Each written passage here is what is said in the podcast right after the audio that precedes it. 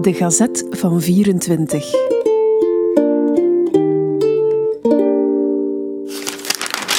Zondag 20 januari 1924. Te Milaan vertoeft op het ogenblik een oorlogsinvalied, die door zes moeders wordt betwist als haar zoon. De jonge man is doof en stom, heeft zijn geheugen verloren. Men vermoedt dat hij deze gebreken ten gevolge van ziekte in de oorlogstijd heeft opgedaan. Vijf der zes moeders wonen te Grosseto in Toscane, en daarvan zijn er die reeds elkaar een proces hebben aangedaan om de jonge man te bezitten.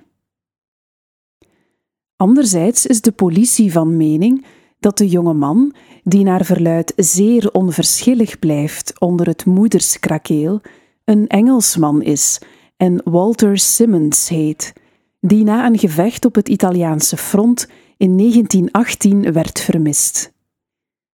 Reeds heeft de Milanese politie uit Londen een portret van deze jongeling ontvangen, wiens moeder en zuster in de doofstomme soldaat haar zoon en broer hadden herkend. Het is voor de magistraat van Grosseto geen gemakkelijke taak om in deze zaak uitspraak te doen. Hij zelf is van mening dat de jongen geen Italiaan is, omdat hij met een Oostenrijks konvooi meekwam.